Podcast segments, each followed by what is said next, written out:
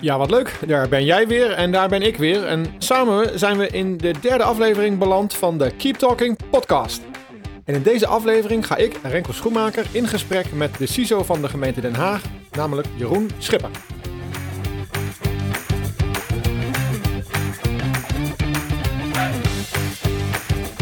In deze derde aflevering staat de mens centraal. In al zijn veelzijdigheid. De mens aan de veroorzakende kant van allerlei ellende, cyber-ellende. De mens tegelijkertijd aan de oplossende kant van die ellende. En we raken in het begin ook de mens als onderdeel van de security organisatie en de verschillende keuzes die je daarin kunt maken. Dus we gaan het niet over de techniek hebben, we gaan het niet over kaders hebben, we gaan het ook niet over uh, het uh, jaarproces hebben. Daarvoor moet je aflevering 1 en 2 luisteren. In deze derde aflevering gaat het over de mens in al zijn veelzijdigheid.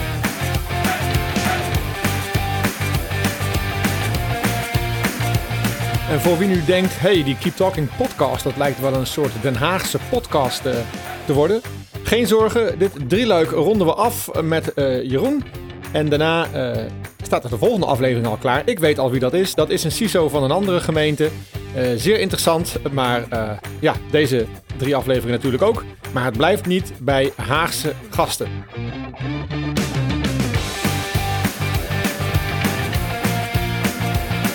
En tot slot misschien goed om te noemen dat ik toen wij deze aflevering opnamen in het staartje zat van een opdracht voor de gemeente Den Haag. Ik sloot toen een opdracht af, ik denk van ongeveer anderhalf jaar, waarbij ik als Senior Information Security Officer heb gewerkt in het team van Jeroen.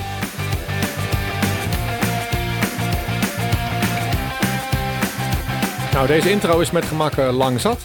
Uh, maar ik wilde nog even zeggen dat ik waarschijnlijk nog voor de zomer nog twee afleveringen online zal zetten. Waarmee de frequentie van deze podcast uit gaat komen op, ja, maandelijks. Hartstikke leuk toch? Hey, veel plezier!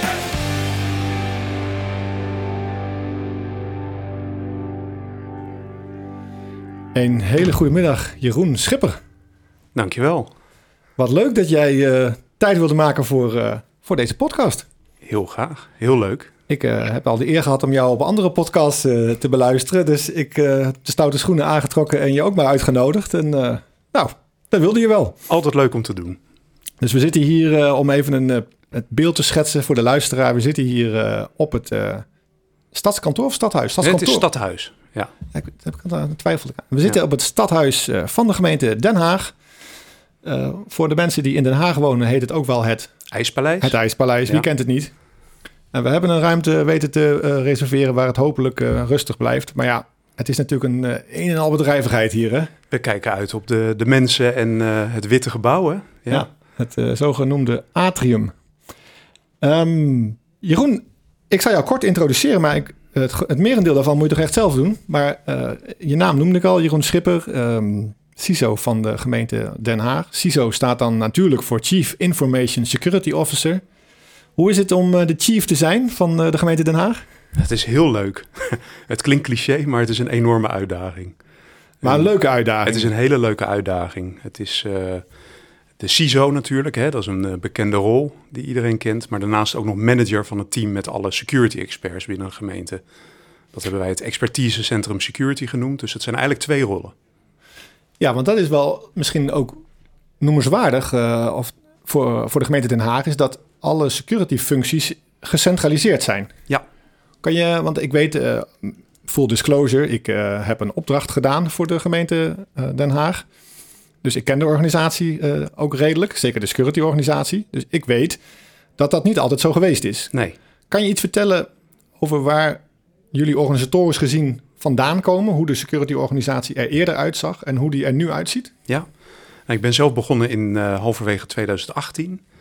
En de eerste stappen om dat te gaan centraliseren, die zijn het jaar daarvoor uh, gezet.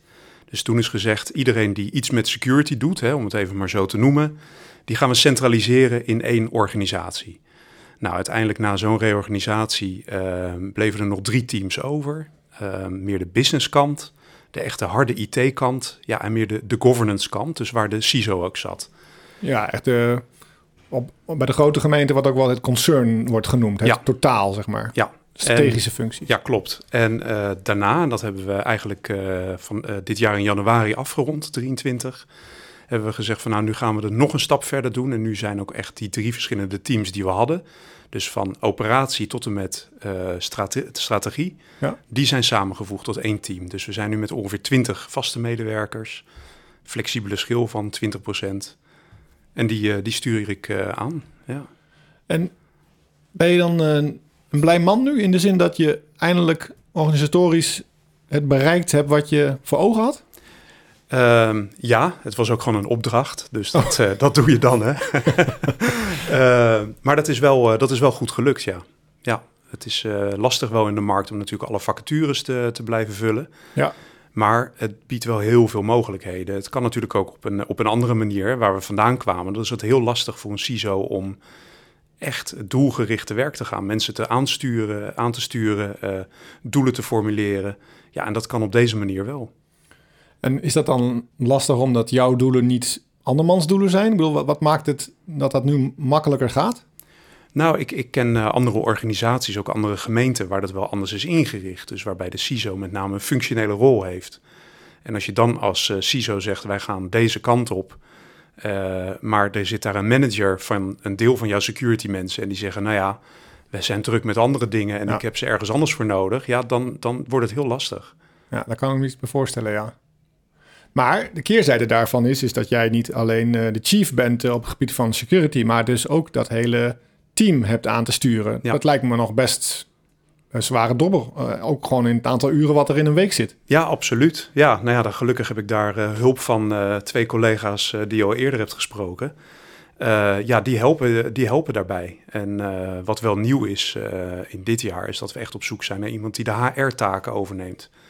Dus ja. iemand die ik wel aanstuur, maar de rest van het team wordt dan aangestuurd door iemand die echt de HR-functie op zich neemt. Ja, dus eigenlijk trek je de inhoudelijke aansturing, de vakken, vakinhoudelijke aansturing, los van de hiërarchische aansturing. Moet ik het zo ja, zien? Ja, zo moet je het zien. Uh, je, je kan het ook zo zien dat de, de, de mensen die, uh, die die functie hadden, dus een deel van hun tijd op de inhoud en een andere deel mensen aansturen. Ja, ik, ik heb liever die, die expertise. Dat zijn de zwaargewichten binnen het team. Ja, dat, die, dat die hun expertise ook maximaal kunnen inzetten. Absoluut. En, en HR is ook een vakgebied. Dus ja. dat moet je dan ook niet mengen. Zeker niet met zo'n grote organisatie. Dan doet eigenlijk iedereen waar die goed in is. Ja. Zou je kunnen zeggen. ja. En als we het over, over mensen hebben, we hebben het nu over de interne kant, hè, de, de bemensing van de security-organisatie. Nou, zeker bij zo'n grote gemeente als Den Haag uh, heb je het ook best wel over een forse organisatie. Hè. Je noemde net uh, 20 vaste medewerkers plus nog een deel uh, flexibel. Hè, dus ja, ingehuurd. Daar was ik dan zelf ook een voorbeeld ja, van. Ja. maar de, per definitie tijdelijk dan natuurlijk. Um, maar als we het over de mensen hebben, uiteindelijk moet het allemaal door mensen gebeuren. We kunnen dingen automatiseren. Maar die mens die blijft steeds jouw plannen eigenlijk doorkruisen, zou je kunnen zeggen. Je wil die gemeente en de gemeentelijke informatie veilig houden. Maar het zijn ook natuurlijk mensen die daar andere plannen, snode plannen mee hebben. Dat proberen uh, te dwarsbomen of daar gewin uit te halen. Dus die, die mens die zit jou steeds dwars. Komt dat vaak voor in de gemeente Den Haag, dat je daar last van hebt? Ik, ik ik, ik, mag daar natuurlijk geen uitspraak over doen, maar ik kan je wel zeggen dat het zowel intern als, als extern gebeuren er wel eens dingen door mensen, ja. ja. Uh, bewust of onbewust. Ja, nee, ik snap dat je daar in algemene bewoorden, bewoording over moet, uh, moet spreken hier. Um, dat, dat, is ook maar goed. Ja. Um, maar als het gaat om de grote groep mensen dan, want um, sommige dingen gebeuren bewust, veel dingen gebeuren ook gewoon onbewust. Ja. wat, wat, hoe stuur jij erop als CISO van de gemeente Den Haag dat dat één zo min mogelijk gebeurt, hoop ik. Dat zal de inzet zijn, verwacht ik. Maar als het dan toch gebeurt dat dat, dat binnen no time zeg maar, bekend is en dat er ook op geacteerd kan worden. Hoe zorg je ervoor dat mensen ja, dat gedrag vertonen? Ja, dan denk je natuurlijk gelijk aan zaken als, als bewustwording. En dat is wel heel belangrijk. Maar ik denk dat je met bewustwording een bepaalde basis moet bereiken. Hè? Zeker met zo'n grote organisatie als de gemeente Den Haag. Um, heb je ook voor hele verschillende mensen. Je hebt mensen die op een financiële afdeling zitten, die echt getarget worden door voor CEO-fraude, door middel van phishing, echt gerichte aanvallen. Uh, maar ja, je hebt ook gewoon mensen die alleen maar de systemen gebruiken om een uren bij te houden. En voor de rest op straat bezig zijn, als handhaver bijvoorbeeld. Ja. Nou, die moeten allemaal, ben ik van mening, een bepaalde basis hebben. wat ze thuis niet doen, dat moeten ze op hun werk ook niet doen. Dus niet die rare bijlagen klikken enzovoort. Daarnaast, en dat, dat is niet hoe iedereen erover denkt, ben ik van mening dat je heel veel in de techniek moet oplossen. Ja, Mensen ja, moeten niet hoeven nadenken over hoe ze hun werk moeten doen. Ja, dat is een interessant punt. Hè? Want vaak zeggen ze, er zit een spanningsveld tussen aan de ene kant beveiligingsmaatregelen die eigenlijk de bewegingsruimte van mensen inperken. Maar daarmee ook de kans op eh, narigheid verkleinen. Ja. Met, maar met als consequentie dat wanneer je daar te ver in doorschiet, dat mensen in, het, eh, in, in de weerstand schieten. En, en Ja. het gewoon natuurlijk niet meer.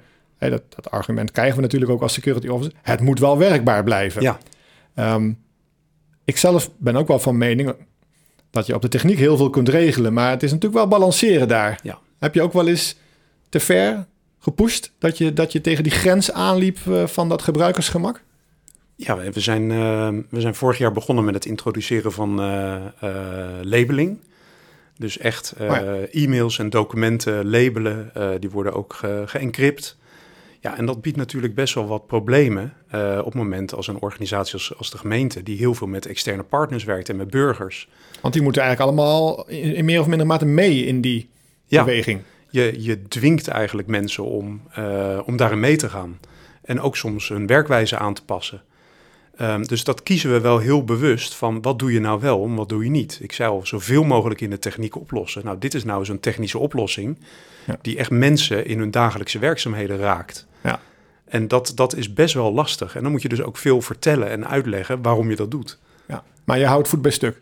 In dit geval wel. Dit is, dit, eh, we hebben zoveel partners waarmee we samenwerken. Er gaan zoveel documenten, eh, vertrouwelijke documenten, die gaan heen en weer buiten de organisatie. Ja. Die moeten we zoveel mogelijk beschermen. Ja, dus het belang is hier groot genoeg om, om die weerstand eh, te overwinnen. Om Ja. daar te, in te blijven investeren en vol te houden. Ja, Te volharden.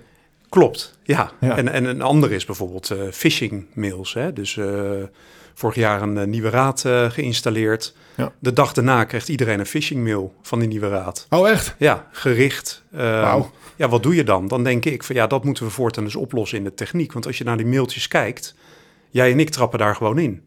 Ja, ik, ik had daar laatst nog een gesprek met iemand over dat ik ook zei: je kunt niet meer verwachten dat mensen eigenlijk phishing mails onderscheiden van echte mails. Nee. Die, die zijn zo goed. Het is niet meer redelijk om, om te denken dat je met allerlei bewustwordingstrainingen eh, dat erin krijgt. Want dat het spel verliezen we gewoon. Ja. Dus je moet het in de techniek eigenlijk oplossen. Ik heb een enorme allergie voor phishing tests. Als je een eh, be- bedrijf wil beginnen en snel geld verdienen, dan, dan, dan hoef je alleen maar een toeltje aan te schaffen en je kan overal dat uitrollen. Maar wat bereik je ermee? Eh, wantrouwen richting de, de security organisatie. Ja. Ehm, ja, en je kan laten zien hoe goed jij een e-mail kan samenstellen waar iedereen intrapt. Ja. En, jij zegt: ja, niks nieuws onder de zon. Dat wist ik al. Dat dat, Ja. dat, dat zou gaan lukken. Nou ja, wat, wat doe je met die data? Hè? Het gaat natuurlijk om het rapporteren, het bevredigen van het bestuur of, of het college in ons geval. Ja. Maar daar kunnen ze niet op sturen. Nee, de- tenminste, als je zou moeten kiezen waarop, ze, waarop je graag wil dat ze sturen, dan zijn er denk ik andere dingen die hoger op jouw lijstje staan. Ja, precies. Ja, ja, dat is wel een mooi bruggetje, want ehm, je zegt net eh, richting de eh, organisatie als geheel moet je eigenlijk je moet balanceren tussen de technische oplossingen en, de, de, en, het menselijk gedrag waar je wat invloed op kan uitoefenen. Maar het zwaartepunt ligt in de techniek, daar kan je veel bereiken. Met daarbij de opmerking, daar zijn grenzen aan, dat, dat, mag duidelijk zijn. Als het gaat om het bestuur, ja, een bestuurder meekrijgen kan je niet automatiseren. Hè? Dus dat, dat wordt eigenlijk hoe hoger je in de spreekwoordelijke boom komt, hoe, hoe meer je moet leunen op jouw, de menselijke kant, jouw menselijke overredingskracht misschien wel, als ik het zo mag noemen. Ehm, zonder dat het nu gaat om eh, het management van de gemeente Den Haag in het bijzonder. Dus, maar toch de vraag, hoe, hoe, hoe hou je nou de aandacht vast? Da- daarmee veronderstel ik al dat je hem krijgt. Maar hoe krijg en behoud je de aandacht op dit onderwerp bij hoger management? Want ja, ik kan me zo voorstellen, die mensen hebben echt wel wat anders te doen ook. Ja. Nou, ik, ik maak sowieso wel onderscheid tussen twee vormen van communicatie naar het hoger management. Hè. We, we praten over de portefeuillehouder IT. Dat is gewoon de wethouder. Dat Ja. is de, degene aan wie De- we rapporteren. De bestuurlijk verantwoordelijke. Ja, bestuurlijk verantwoordelijk. Ehm, ja, en aan de ene kant rapporteren we een aantal keer per jaar puur over hoe het ervoor staat. Hè? De knelpunten, problemen eventueel, eh, de focus van de komende periode. Ehm, maar dat is een beetje de basis. Dat gaat naar die wethouder. Dat gaat naar die wethouder Ja. uiteindelijk. Dat gaat het hele traject door, de hele, de hele organisatie door. Ehm, maar voor mij is het belangrijkste dat als ik die wethouder bel, dat zij opneemt. Ja. En dat doe je dus niet door iedere dag een praatje te maken en iedere dag een appje te sturen. Ja, dus, je Dus- moet je hand niet overspelen eigenlijk. Exact. Dus dat is ook wel een balans die je moet vinden. Je kan of zeggen, ik zit iedere week aan tafel. Eh, maar ja, neem ze dan de telefoon op op het moment dat je een dag na dat overleg belt. Ja. Dus daar moet je wel heel erg secuur mee omgaan en ook hele goede afspraken over maken. Op het moment dat ik bel naar een wethouder, dan is het niet voor een kop koffie. Oké, maar daar ben je ook zo duidelijk in eh, zoals je daar nu in bent. Ja. Dus je, eh, er komt een nieuwe wethouder. en Je kan me voorstellen dat je dan een keer gaat kennismaken Ja. met die wethouder. En dan, zonder dat het gaat om hoe je dat letterlijk zegt, maar dan is dit jouw boodschap. Ik, Ja. Dit is hoe ik in de wedstrijd zit. Als ik bel, ik ga je niet lastigvallen met details. Maar als ik bel, Ja. dan mag je ervan uitgaan dat het echt nodig is dat ik je spreek. Ja. Ja. En zo, zo zit die hele, die hele crisis, die cybercrisisorganisatie ook in elkaar. Dus naarmate je eh, meer naar beneden gaat, dan hebben we natuurlijk gewoon binnen ons team dagelijks overleg. Ja. Maar de, de, de, de key functionaris, om dat zo te noemen, hè, dus de gemeentesecretaris, de hoogste ambtenaar, eigenlijk de CEO van de, van de gemeente, Ja, ook wel algemeen directeur eigenlijk van het hele concern. Ja. de, de CIO en de CTO, dat zijn natuurlijk hele belangrijke functionarissen. Ja. Ja, die, moet ik, eh, die, die heb ik op de speed dial, zeg maar. Oké, dus jouw, jouw tip is eigenlijk als je op um, hoger bestuurlijk niveau ehm, aan tafel wilt komen, dat je dat spel, ja, nee, dat is wel onerbiedig, maar dat je heel zorgvuldig moet afwegen wanneer je wel en geen aandacht vraagt. Ja, Ja, en als je dat spaarzaam doet en je bent daar duidelijk over, dan is je kans op succes eigenlijk groter. Ja. Dat is jouw ervaring, ja. Oké. En ehm, die crisisorganisatie die je net noemde, ehm, kan je daar iets over vertellen? Wat, wat is een crisisorganisatie en hoe ziet dat eruit binnen de gemeente Den Haag? Ja, dat is eigenlijk begonnen na de, de Citrix-crisis die we hebben gehad. Ja. Ehm, december 2019, denk ik, begon dat. Eh, je, houdt van eh, grote incidenten in december, toch? Ja, ja, ja, ja, tot nu toe hebben we altijd in december hebben we wel wat gehad, ja. Ehm, maar toen begon het eigenlijk met eh, van nou, wat is er aan de hand? Hè? We hebben de Citrix-crisis gehad. Gaan we systemen uitdoen of niet uitdoen? En eigenlijk daar werd blootgelegd dat we aan de externe kant, hè, met NCSC, met andere partijen, dat er best wel wat verbetering mogelijk was. Maar ook vooral intern zagen we van, we hebben IT-crisisplannen, Ja. maar echt gericht op cybercrisis was er niet. En dat is toch wel wat anders dan eh, een datacenter eh, doet het niet meer en hoe gaan we dat aanpakken?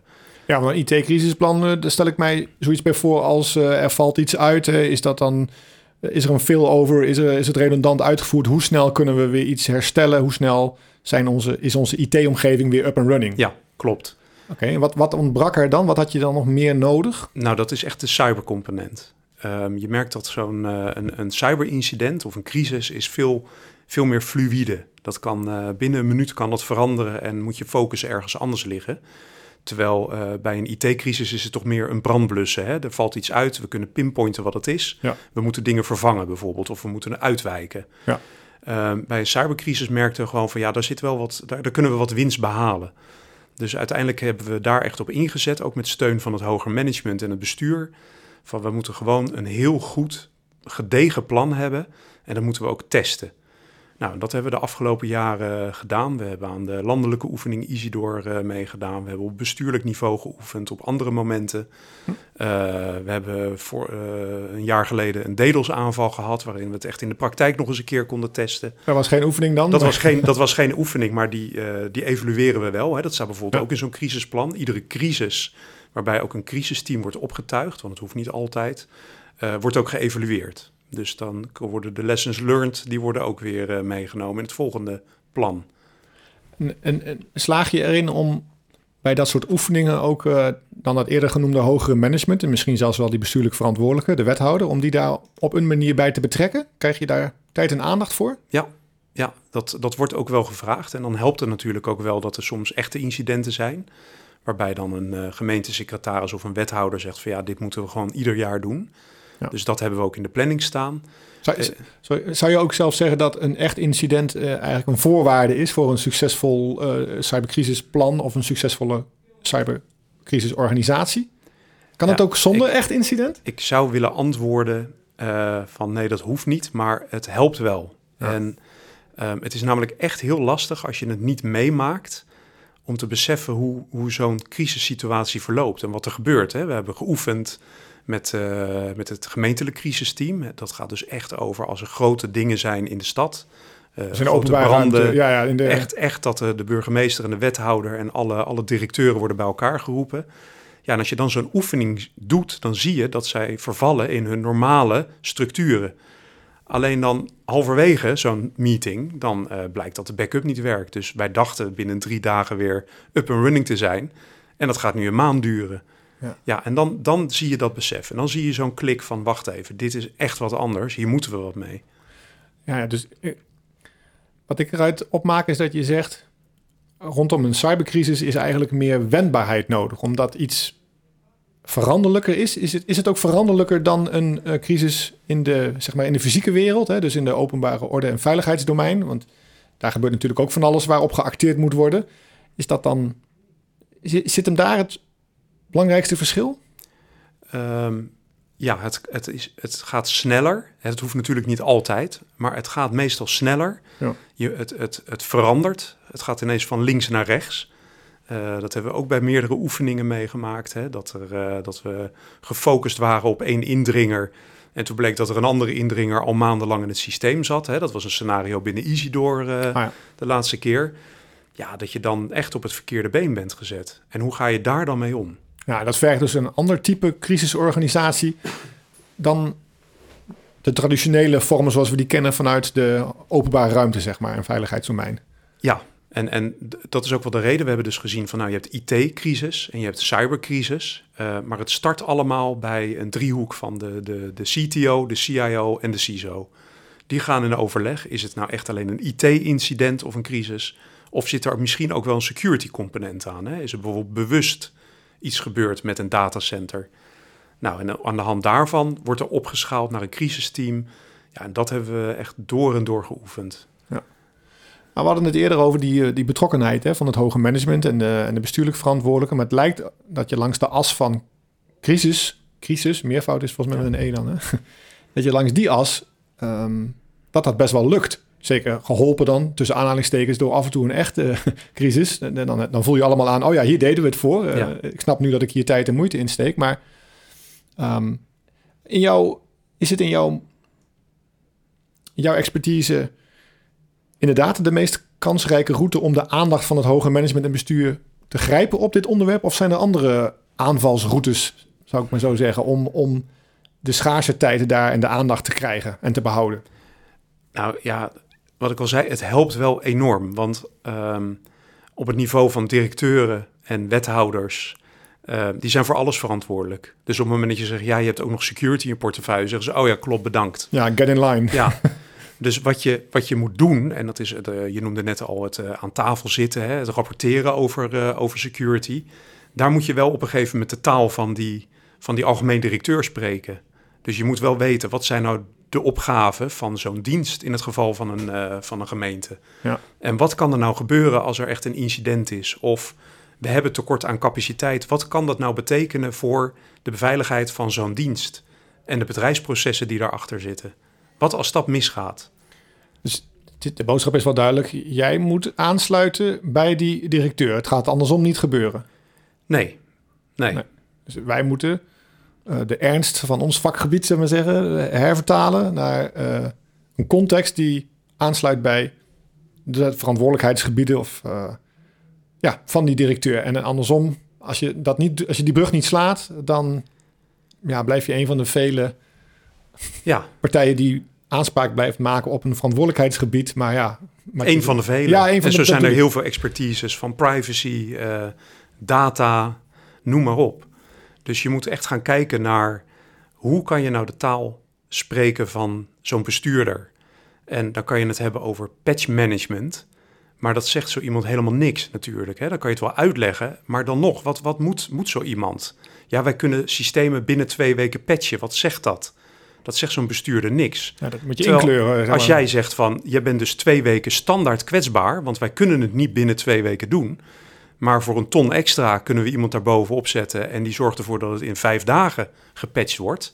Ja. dan wordt het interessant. Ja, dan, dan geef je iemand echt een de mogelijkheid om, om er wat van te vinden en om te beslissen. Ja. Nou, oké, dat is het mij dan waard. Of dat is het mij niet waard. Of... In plaats van de rapportages, vorige maand hadden we alles in 14 dagen gepatcht. En de komende maand was het 18 dagen. Ja, dat zegt niemand wat. Ja, maar dit lijkt me toch wel een lastig, uh, ook een, een, heel lastig punt, omdat um, die vertaalslag maken en ook de vertaalslag naar euro's maken van veel dingen die wij proberen te voorkomen. We zijn eigenlijk een soort uh, uh, kostenpost om grotere ellende buiten de deur te houden, zou je kunnen zeggen. Want we zeggen eigenlijk zelf uh, vaak, ja, 100% veilig kan helemaal niet. Nee. Dus doen, dat is onze disclaimer al vanuit, ons, vanuit onszelf. Ellende gaat er hoe dan ook komen. De vraag is hoe goed ben je erop voorbereid. En we kunnen de kans op ellende ook wel verkleinen ja. door maatregelen te nemen. Maar die vertaalslag naar euro's, ja, die is af en toe wel knap lastig. Ja, ja dat, dat is ook echt uh, nou, een beetje de, de heilige graal zeg maar, van ons vakgebied, denk ik. Hè? We, we hebben het altijd over uh, hoe kom je aan tafel, hoe moet je presenteren aan de board. Maar ik denk dat we ook echt naar de inhoud moeten kijken. Hoe kan je nou die vertaalslag maken vanuit security naar de business? Wij praten binnen de gemeente ook over de business. Ja. En dan weet iedereen gelijk waar je het over hebt. En dat is gewoon een andere taal dan security. Als ik dan even weer de brug sla naar uh, die security organisatie, waar we in het begin van het gesprek over hadden, dan hebben wij als security organisatie, ik zeg even wij, omdat ik zelf uh, in deze opdracht, maar ook in andere opdrachten daar zelf onderdeel van ben, ja, een bepaalde vocabulaire. Wij, wij, wij, wij snappen wel wat patch management is hè, en wat het belang daarvan is. En je hoeft dat niet zo uit te, te duiden zoals je dat net deed als je het moet verkopen, tussen aanhalingstekens, aan een, aan een directeur. Um, ik kan me voorstellen dat ik merk dat ik dat in ieder geval best wel lastig vind om die vertaalslag uh, te maken. Um, ben jij eigenlijk uh, binnen de gemeente Den Haag natuurlijk een strategisch gepositioneerde informatiebeveiligingsfunctionaris, de CISO. Vroeger heette het nog wel eens IBF, informatiebeveiligingsfunctionaris. Dan kan je toch beter CISO heten, is mijn mening. Maar goed, um, op dat strategische niveau uh, zeker bij kleinere gemeenten, ja, dat, dat is één iemand. Is hier al één iemand, maar in een kleinere gemeente is het ook één iemand die ook operationeel of tactisch nog verantwoordelijkheden heeft. Omdat die nou eenmaal, hè, dan heb je vaak meerdere rollen of meerdere, een breder verantwoordelijkheidsgebied. Um, ik kan me voorstellen dat bij een kleinere gemeente, als je dat dus moet combineren, ja, dan, dan, moet je wel echt schakelen. Want je bent ook operationeel meer betrokken. Hè, zonder dat ik uh, jouw functie wil devalueren. Maar bij een kleinere gemeente moet je dat meer in één functie samenvoegen. Ga er maar aan staan. Dan moet je en... ze zeggen wel eens in vacatures, ja, je moet kunnen schakelen tussen uh, uh, operationeel, tactisch en strategisch niveau. Ja, denk, succes. Ja. ja. um, jij hoeft misschien bij zo'n grote gemeente minder te schakelen in die zin dat je een, een strategische job hebt Natuurlijk, bij een crisis zit je ook midden in de operatie, kan ik me iets bij voorstellen. Maar er is maar één CISO. Dus succes Jeroen. Ja. Die hele moeilijke uitdaging ligt dus op jouw bord. Ja. Maar daar heb ik dus wel een heel groot team voor. Ja, ja. En ik heb, ik heb meer medelijden met die eh, persoon die je noemt. En die heb ik ook gesproken van kleinere gemeenten...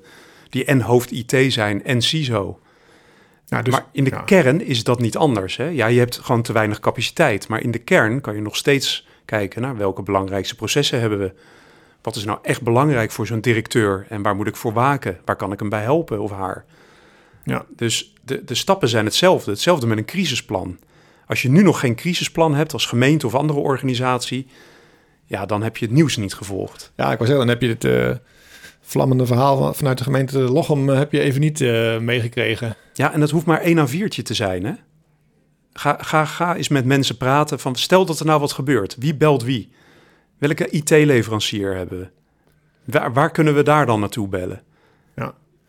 Vind je het een het initiatief daar voor zo'n plan? Is dat, ligt dat bij de security-organisatie, hoe klein of hoe groot die ook is? Het, het mooiste is natuurlijk dat, dat de wethouder komt en die zegt: Joh, hebben jullie eigenlijk al een cybercrisisplan? uh, kan ik daarbij helpen? Maar zo zit het wel heel mooi, ja. nee, het is, het is gewoon de verantwoordelijkheid van de security-organisatie om dat op te tuigen. Met behulp van de rest van de organisatie. Maar het, het, ik begrijp dat het lastig is. Hè? En wij, wij, kunnen, wij hebben makkelijk praten. We hebben er ook aardig wat de tijd voor genomen. Maar wij hebben nu een cybercrisisplan, wat we ieder jaar updaten. Um, we hebben ook een, een publieke versie in de maak. Hè? Dus die is wat okay. geanonimiseerder. En die, die delen we binnenkort via de VNG of uh, via onze eigen website. Interessant. Ja, maar dat is gewoon puur omdat het ons geen moeite kost om dat te doen. En daarmee help je anderen misschien wel. Nou, dat verwacht ik wel. Ja. Eerder hebben jullie ook uh, rondom jullie hack-evenement, uh, Hack de Heek, ook een, uh, een handreiking. Een, ja, hoe heet het nou? Een e-guide. e-guide, ja. ja. Boe. maar in ieder geval ook soortgelijk. Jullie hebben die aanpak uitgewerkt en gedeeld. Vrijgedeeld. Dus iedereen kan daar gebruik van maken. Ja. Zie, is dat in lijn met een bepaalde overtuiging dat de gemeente Den Haag um, een soort pioniersfunctie heeft onder de overheid, misschien wel de lokale overheid in Nederland? Zie je, zie je, zie je dat zo? Um, nou, we hebben wel de, um, ook de opdracht in ons eigen strategisch beleidskader hebben we geschreven. Dat is ons hoogste uh, beleidskader wat we hebben op het gebied van informatieveiligheid. Daar hebben we ook aangegeven op basis van het coalitieakkoord dat wij voorloper willen zijn op het gebied van security of informatieveiligheid. Ja. Um, maar dat betekent, betekent dus nogal wat. Hè? Dat betekent niet dat je overal de beste in moet zijn. Maar we zijn bijvoorbeeld wel echt ervan overtuigd dat je als, als, als stad, als gemeentelijke organisaties en zelfs als land niet verder komt als je niet gewoon transparant bent. Delen wat je kan. En dat is wel een heel ander, uh, andere insteek dan de afgelopen jaren. Hè? Ik, heb, uh, ik zit nu al 22 jaar in het security vak. En dat was toch echt security by obscurity waar het mee begon. Ja, ja. Zoveel mogelijk geheim houden. Nou, ik ben daar echt van overtuigd dat we de andere kant op moeten. En zeker als grote organisatie heb je echt een verantwoordelijkheid naar kleinere organisaties. Nou ja, we hadden het net al even over die uh, collega waar we, het, uh, waar we af en toe met uh, meewarig of in ieder geval met bewondering en respect ook naar kijken van ja, die, die moeten zoveel dingen combineren. Dan voelt het ook wel fair dat de grotere organisaties die wat meer organisatorische capaciteit, ook wat meer budget hebben, ja, die kunnen wat dingen uitdokteren, zo ja, gezegd. Ja. En dat dus delen. Ja, dat doen we graag. Ook, uh, we hebben de informatiebeveiligingsdienst, ons. CERT, de VNG. Alles wat we kunnen, alle producten die we maken en uh, wat niet, niet geheim is of vertrouwelijk, uh, kunnen we nog declassificeren. Maar dat delen we. Nou, mooi. Ja. Ik hou er wel van. Ik vind, uh, voor de, ik werk nu zes of, nee, zeven of acht jaar voor de, in op, verschillende opdrachten voor de overheid, voor de lokale overheid. En ik vind dat altijd een heel uh, heerlijk, een fijn punt, dat er geen onderlinge concurrentie is. Je kunt ook gewoon een andere gemeente opbellen en zeggen, joh, wij lopen hier tegenaan. Hoe hebben jullie dat gedaan? Ja. Welke methode kiezen jullie? Kunnen jullie uit de voeten met dit of dat instrument? Hoe werkt dat bij jullie? Uh, ja, ik vind dat een ik weet niet of jij ervaring hebt in de commerciële sector. Alleen voor mezelf. Maar dat, is, dat gaat er heel anders aan toe. Ja, ik wil zeggen, dat ja. natuurlijk een heel andere context. En dat delen klinkt heel vanzelfsprekend in gemeenteland om dat zo te doen. Ja. Uh, maar dat is natuurlijk niet overal, uh, lang niet overal nee, zo. We, we, uh, we zien dat ook wel als een heel belangrijk punt. Hè, met onze grote partijen, IT-organisaties waar we zaken mee doen. of security bedrijven daar nemen we ook altijd op in de voorwaarden dat voor ons strategisch partnerschap heel belangrijk is. En we stellen dus ook altijd de vraag: wat, wat kunnen jullie voor de stad betekenen? Niet voor de gemeente, maar de stad. Okay. En dat is heel leuk om die discussies in te gaan. Hè? Dan komt van, nou, we kunnen een evenement organiseren of we kunnen dit doen. Nou, dat is allemaal zijn mooie voorbeelden, maar het gaat ons er gewoon om. Stel, jullie vinden iets, wij willen dat kunnen delen. Ja. Hoe kijken jullie daar tegenaan? Ja, dus je, ja. Zet, je zet eigenlijk de toon al voor de manier van samenwerken. Op ja. Die, ja, ja. Ja, en ik denk ook, toch nog even weer terug naar dat hoge management en dat bestuur, dat je, um, ja, ik denk dat dat goed verkoopt, zeg maar. Ik zeg het een beetje plat, maar een, een wethouder kan er belang bij hebben om zich bijvoorbeeld over het thema van cybersecurity te profileren. Uh, ja. Binnen de gemeente uh, zelf of binnen het bestuur zelf, maar ook richting andere gemeentes misschien, andere besturen. En dan helpt het ook. Je faciliteert eigenlijk zo iemand ook door te delen, dingen beschikbaar te stellen ja. en daar die wethouder over te informeren. Als die wethouder um, aanslaat op het onderwerp, ja, dan geef je hem of haar ook een instrument in handen om daarmee uh, aandacht te, te vragen. Ja. Nou, en ook wel weer, ja, moet ik oppassen hoe ik het formuleer, maar een beetje om een sier mee te maken naar anderen toe. Hè, dat, nou, het goede voorbeeld te geven. Ja, dat is een ja. betere formulering. Het goede voorbeeld te geven en dat helpt je indirect ook zelf weer, uh, omdat je dan uh, in je volgende bespreking met diezelfde bestuurder, ja, dan praat je zo weer door waar je gebleven was. Omdat ja. het, ja, je, hebt, je hebt wat samen. Ja, absoluut. Ja. Jeroen, ik wil jou hartelijk uh, bedanken voor je tijd en uh, voor het delen van je inzichten. Graag gedaan. En wie weet heb ik nog eens het lef om je in de toekomst nog te vragen. Maar voordat je daar antwoord op geeft, zet ik de opname stop. Dank je. Goed. Hey, fijne dag nog.